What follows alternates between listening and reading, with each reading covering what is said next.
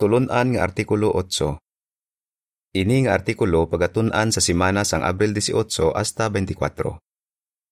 Ang imo balalaygay makapasadya sa tagipusoon? Teksto nga ginbasihan sini nga artikulo. Ang lana kag insiyenso makapasadya sa tagipusoon.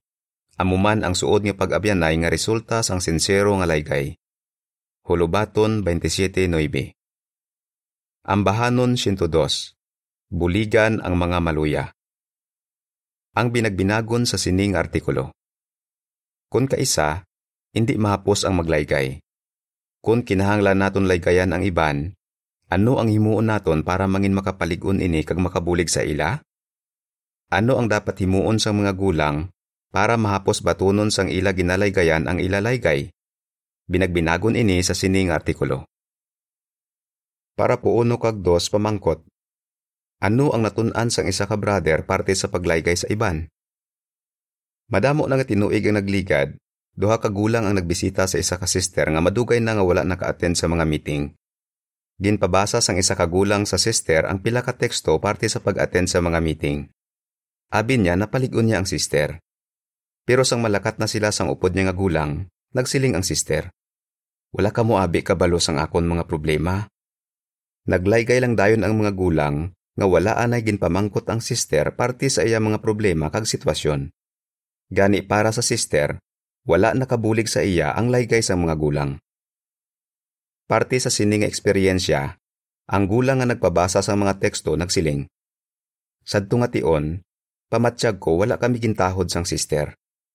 Pero sang ginpaminsaran ko ini, narealisar ko nga mas nagpokus ako sa mga teksto nga dapat ko gamiton sang sa hibaluon ang sitwasyon sang sister. Mas maayo kung tani kung ginpamangkot ko siya kung kamusta siya kag kung paano ako makabulig sa iya. May natun-an gid ang gulang sa iya eksperyensya. Subong, nagapakita na siya sang empatiya kag ginapanikasugan gid niya nga makabulig. Para po tres pamangkot. Sino sa kongregasyon ang mahimo makalaygay sa iban? Bilang mga manugbantay, responsibilidad sang mga gulang nga laygayan ang mga nagakinahanglan sini. Pero, may mga tion nga mahimo kinahanglan man maglaygay ang iban nga kauturan sa kongregasyon.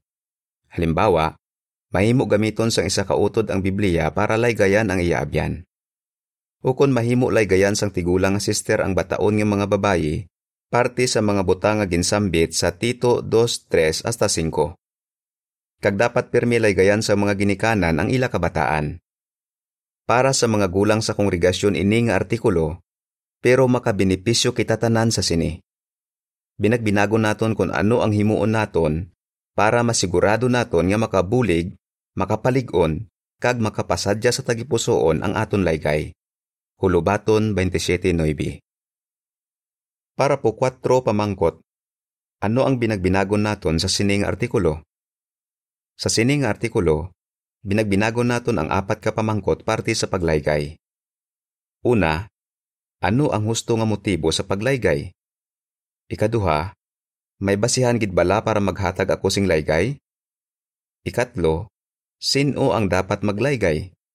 Ikapat, ano ang himuon mo para mangin makapaligon ang imo laygay? Ano ang husto nga motibo sa paglaygay? Para po singko pamangkot. Nga importante nga husto ang motibo sang isa ka gulang kung nagalaygay siya? Palangga sa mga gulang ang ilang mga kauturan. Kung kaisa, ginalaygaya nila ang isa kautod kung may ginahimo siya nga posible magresulta sa seryoso nga sala. Kinahimo nila ini kay palangga nila siya. Pero antes istoryahon sang isa kagulang ang isa kautod, mas maayo kung binagbinagon anay niya ang ginsambit ni Apostol Pablo parte sa gugma. Ang gugma mapinasinsyahon kag maynayohon. Nagaantos ini sang tanan nga butang nagapati sang tanan nga butang, nagalaom sang tanan nga butang, nagabatas sang tanan nga butang. Ang unang Korento 13.4 nagasiling. Ang gugma mapinasensyahon kag minayuhon. Ang gugma indi mahisaon. Wala ini nagapabugal, wala ini nagapahambog. Ang bersikulo 7 nagasiling. Nagaantos ini sang tanan nga butang, nagapati sang tanan nga butang, nagalaom sang tanan nga butang, nagabatas ang tanan nga butang. Kung pamalandungan sang gulang ini nga teksto, makabulig ini sa iya nga hunahunaon ang iya motibo sa paglaygay kag kung paano niya inihimuon sa maayo nga paagi. Kung mabatyagan sang ginalaygayan nga palangga siya sang gulang, posible gid nga batunon niya ang laygay. Para po sa pamangkot. Nga a maayo nga halimbawa si Apostol Pablo. Maayo gid nga gulang si Apostol Pablo. Halimbawa, ginlaygayan niya ang mga kauturan sa Tesalonika kay kinahanglan gid nila ini. Pero sa mga sulat ni Pablo para sa ila, unan niya nga ginsambit ang parte sa ila buhat sang pagtuo, mahigugmaon nga pagpangabudlay kag pagbatas. Ginintsende man niya ang ila sitwasyon, kag nagsiling siya nga nagaanto sila sa mga kabudlayan kag nagabatas sa mga paghingabot. Ginsilingan pagani niya sila nga maayo sila nga halimbawa para sa iban nga mga kauturan. Sigurado gid nga nalipay sila sa pagdayaw sa ila ni Pablo. Palangga gid ni Pablo ang iya mga kauturan. Gani na paligon gid ang mga taga Tesalonika sa iya laygay nga mabasa sa duha niya kasulat para sa ila. Para po siyete pamangkot. Ano ang posible nga rason kung nga ah, wala ginabaton sang iban ang laygay? Ano ang posible nga matabo kung hindi husto ang aton paagi sang paglaygay? Ang isa ka madugay na nga gulang nagsiling. Wala ginabaton sang iban ang laygay, hindi bangod daw hindi husto ang ginlaygay sa ila, kundi bangod wala nila nabatyagan nga palangga sila sang nagalaygay. Ano ang matun-an naton sa sini? Mas mahapos batunon ang aton laygay kung ginahimo naton ini bangod palangga naton ang aton ginalaygayan, hindi bangod nga naugot kita sa iya. May basihan gid bala para maghatag ako sing laygay? Para po otso pamangkot. Antes maglaygay ang isa ka gulang, ano ang dapat niya ipamangkot sa iyak o galingon? Hindi dapat magpadaso-daso sa paglaygay ang mga gulang. Antes maglaygay ang isa ka gulang sa isa ka utod, dapat niya pamangkuton ang iyak o galingon. Dapat ko gid bala siya laygayan? Sigurado gid bala ako nga sala ang iya ginahimo? May nalapas bala siya nga sugo sa Biblia? O kung basi hindi lang pareho sa ginhimo niya ang himuon ko, kung ako ang sa iya sitwasyon. Dapat gid panikasugan sa mga gulang nga hindi sila magpadaso-daso sa ila paghambal. Hulubaton 29:20. Kung hindi sigurado ang gulang kung bala dapat gid niya laygayan ang isa ka utod, pwede niya pamangkuton ang isa pa ka gulang parte sa sini. Binagbinago nila kung bala may nalapas nga prinsipyo sa Biblia ang utod, kag dapat gid siya laygayan. Para punoy bi pamangkot. Kung nagalaygay parte sa pamayo kag pamustura, ano ang matun-an naton kay Pablo? Binagbinaga ini nga halimbawa. Ibutang tanga na balaka ang isa ka gulang sa pamayo o kung pamustura sang isa ka utod. Mahimo pamangkuton sang gulang ang iya kaugalingon. Kung basihan ang Biblia, dapat kugid bala siya laygayan? Hindi gusto sang gulang nga maglaygay base lang sa iya opinyon, gani pwede niya pamangkuton ang isa pa kagulang o kun hamto nga utod parte sa iya masiling. Pwede nila binagbinagon nga duha ang laygay ni Pablo parte sa pamayo kag pamustura. Ang unang Timoteo 2:9 kag 10 nagasiling. Ang mga babayi dapat man magpamayo sing nagakaigo nga may kaugdang kag maligdong nga hunahuna. Hindi paagi sa mga estilo sang pagsalapid sing buhok kag pagsuksok sa mga bulawan o kon perlas o kon malahalon gid nga bayo, kundi sa paagi nga nagakaigo sa mga babayi nga nagapangangkon nga nagasimba sa Dios, paagi sa maayong mga buhat. Ginsambit ni Pablo ang pila ka prinsipyo nga dapat mangin maugdang ang pamayo sang isa ka alagad sang Dios. Ginapahangop sini nga hindi dapat mapakahuyan si Jehova sa pamayo sang iya alagad. Pero wala ginsambit ni Pablo kung ano nga mga bayo ang pwede kag hindi pwede. Kabalo siya nga makapili ang mga kauturan sang gusto nila isuksok basta suno ini sa mga prinsipyo sa Biblia. Gani dapat anay binagbinagon sa mga gulang kung bala maugdang o kung hindi ang pamayo sang isa ka utod antes nila siya laygayan. Para po Jess pamangkot. Kung parte sa personal nga mga desisyon, ano ang dapat naton tandaan?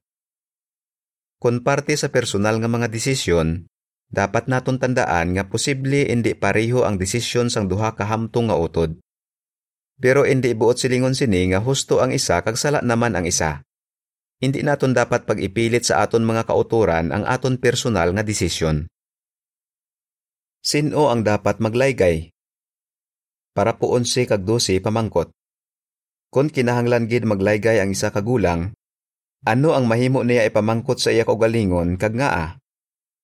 Kung kinahanglan gid ang laygay, ang masunod nga pamangkot amo ini. Sino ang dapat maglaygay? Antes laygayan ang isa ka sister nga may bana o kun ang isa ka bata, dapat ana istoryahon sang gulang ang ulo sang pamilya.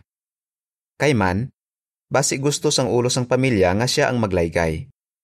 O kun basi magpangabay siya nga magpamati, samtang nagalaygay ang gulang. Kag pareho sa ginsambit sa parapotres, posible nga may mga tion nga mas maayo nga isa ka tigulang nga sister ang maglaygay sa isa ka pamatanon nga sister. May dapat pa binagbinagon ang isa ka gulang. Mahimo niya pamangkuton ang iya kaugalingon. Ako gid bala ang dapat maglaygay?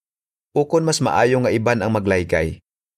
Halimbawa, kung dapat laygayan ang isa ka utod nga wala sing kumpiyansa sa iya kaugalingon, mas mahapos niya inibatunon kung isa ka gulang nga naka-eksperyensya man sang iya nabatyagan ang maglaygay sa iya. Posible nga mas nahangpan sing maayo sini nga gulang ang nabatyagan sang utod kag mas mapalig-on niya siya. Pero, responsibilidad sang tanan nga gulang nga palig-unon ang ilang mga kauturan nga maghimo sang mga pagbag-o base sa ginasiling sang Biblia. Gani kung kinahanglan gid laygayan ang isa ka utod, ang pinakaimportante amo ang masigurado nga malaygayan siya. Ano ang himuon mo para mangin makapalig-on ang imo laygay? Para po 13 kag 14 pamangkot. Nga a importante nga mamati ang isa ka gulang? Magpamati sing maayo. Kung naghahanda ang isa ka gulang sa paglaygay, dapat niya pamangkuton ang iya kaugalingon. Ano ang nabalaan ko parte sa sitwasyon sang utod? Ano ang mga nagakatabo sa iya kabuhi? May mga problema bala siya nga wala ko nabalaan? Ano ang makabuligid sa iya subong? Dapat gid iaplikar sa mga nagalaygay ang prinsipyo sa Santiago 1.19. Si Santiago nagsulat, Ang tagsa katawo dapat mangin maabtik sa pagpamati, mahinay sa paghambal, hindi dali maakig. Posible huna-hunaon sang isa kagulang nga nabalaan niya ang tanan parte sa sitwasyon sang isa kautod, pero husto gid bala ang iya ginahuna-huna? Ang hulubaton 18.13 nagapahanumdom sa aton. Kung ang isa nagasabat antes niya mabatian ang kamatuuran, kabuangan ini kag kahoy-anan sa iya. Mas maayo nga pamangkuton ang utod kung ano gid ang iya sitwasyon. Gani dapat anay pamatian sang gulang ang utod antes siya maglaygay. Dumduma ang natun-an sang gulang nga ginsambit sa umpisa sini nga artikulo.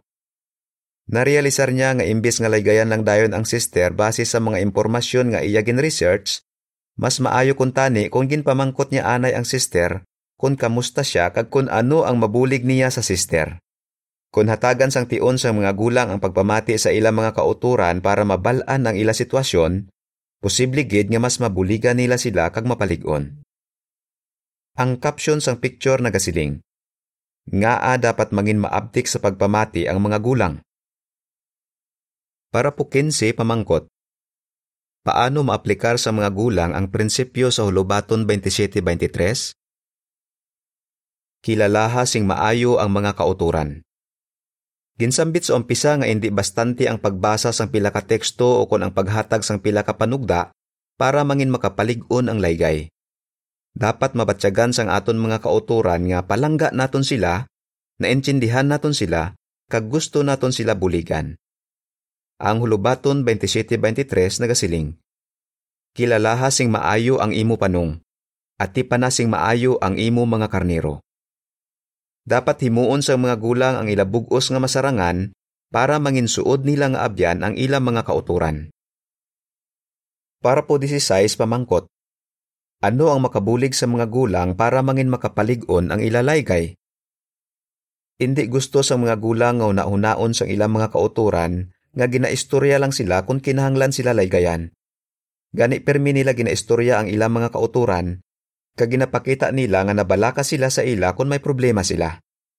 Kung himuon mo ini, siling sang isa ka madugay na nga gulang, mangin abyan mo sila. Gani kung kinahanglan mo gid man sila laygayan sa ulihi, mas mahapos na lang para sa imo nga himuon ini. kag mas mahapos man para sa imo ginalaygayan nga batunon ang laygay. Ang caption sang picture nagasiling. Ano ang himuon sa mga gulang para mangin mas mahapos sa ila ang maglaygay? Para po 17 pamangkot. Sa ano nga sitwasyon dapat gid mangin mapinasinsyahon kag may ang isa ka gulang? Mangin mapinasinsyahon kag mainayuhon. Kung hindi gusto i-aplikar sang aton ginalaygayan ang aton ginlaygay nga nabase sa Biblia, kinahanglan gid naton mangin mapinasinsyahon kag mainayuhon. Hindi dapat magugtas ang isa ka gulang kung wala dayon ginbaton o kung ginaplikar sang iya ginlaygayan ang iya laygay. Ang Biblia nagasiling parte kay Hesus. Indi niya pagbalion ang tabunak nga nadugmok, kag indi niya pagpalungon ang pabilo nga nagapiraw. Mateo 12.20 Gani ko nagapangamuyo ang isa kagulang sa iya personal nga mga pangamuyo, pwede niya pangabayon si Jehova nga buligan ang iya ginlaygayan nga mahangpan kun nga ginlaygayan siya kag kun nga dapat niya iaplikar ang laygay. Posible nga kinahanglan niya ang tion para paminsaran ang ginlaygay sa iya. Kung mapinasinsyahon kag may nayuhon ang isa kagulang, mas mahapos batunon sang ginlaygayan ang ginlaygay sa iya. Kag dapat siguraduhon sang gulang nga nabase permi sa pulong sang Dios ang iya ginalaygay. Ang caption sang picture nagasiling. Nga a dapat mangin mapinasinsyahon kag may nayuhon ang isa kagulang kung nagalaygay siya? Para po 18 pamangkot sa A, ano ang dapat naton tandaan kung nagalaygay kita? Pamangkot sa B, base sa picture kag sa kahon, ano ang ginaistoryahan sang mga ginikanan?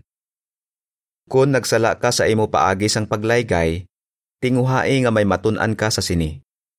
Bangod hindi kita perpekto, hindi naton maaplikar sing bugos ang mga panugda sa sini nga artikulo. Posible gid nga magsala kita sa aton paagi sang paglaygay, pero dapat naton tinguhaan nga may matun-an kita sa sini. Kung mabatyagan sang aton mga kauturan nga palangga naton sila, posible nga mangin mas mahapos para sa ilang nga patawaron kita kung naglain ang ilabuot bangod sa aton ginsiling o kung ginhimo. Ari ang dugang nga impormasyon. Pahanumdum para sa mga ginikanan. May mga tion nga dapat gidlay gayan sa mga ginikanan ang ila kabataan. Makabulig sa mga ginikanan ang mga prinsipyo nga ginbinagbinag sa sining artikulo. Antes lay gayan sang ginikanan ang iya bata, mahimo niya pamangkuton ang iya kaugalingon. Seryoso gid bala ang ginhimo sang akon bata, amo nga dapat ko gid siya laygayan? Kung laygayan ko siya subong, mangin kalmado bala ako kag mahigugmaon? O kon mas maayo nga laygayan ko siya kung indi na ako akig? Nabalaan ko bala ang tanan nga dapat ko mabalaan? May problema bala ang akon bata nga wala ko nabalaan? Kung malaygayan ko na siya, mabatsagan bala niya nga nahangpan ko siya kag palangga ko siya? Wala gid sing rason ang mga ginikanan nga mangin mapintas sa ila kabataan. Tandai nga nagsiling si Pablo nga ang gugma mapinasensyahon kag mainayuhon. Unang Korinto 13:4. Gani dapat gid mabatyagan sang aton kabataan nga palangga naton sila kay bahin man sila sang panong sang Dios. Unang Pedro 5.2 Balik sa artikulo. Ano ang natunan naton? Para po 19 pamangkot. Paano naton mapasadya ang tagipusoon sang aton mga kauturan? Natunan naton nga indi mahapos ang maghatag sing makapalig-on nga laygay. Indi kita perpekto, kag indi man perpekto ang aton ginalaygayan. Tandai ang mga prinsipyo nga ginbinagbinag naton sa sining artikulo. Siguraduha nga husto ang imo motibo sa paglaygay. Siguraduha man kung bala dapat gid laygayan ang isa ka utod, kag kun bala ikaw gid ang dapat maglaygay o kun mas maayo nga iban ang maglaygay. Antes laygayan ang isa ka utod, pamangkutaan na siya kag pamatii siya sing maayo para mahangpan mo ang iya sitwasyon. Panikasugi nga paminsara kung ikaw ang sa iya sitwasyon. Mangin mainayuhon, kag panikasugi nga mangin suod mo nga abyan ang imo mga kauturan. Tandai nga magluwas nga gusto naton nga mangin makapalig-on ang aton laygay, gusto man naton nga makapasadya ini sa tagipusoon. Hulubaton 27.9 Ano ang imo sabat? Ano ang husto nga motibo sa paglaygay? Sino ang dapat maglaygay? Ano ang himuon mo para mangin makapalig-on ang imulaygay? Ambahanon 103. Mga manugbantay, dulot nga mga lalaki. Diri natapos ang artikulo.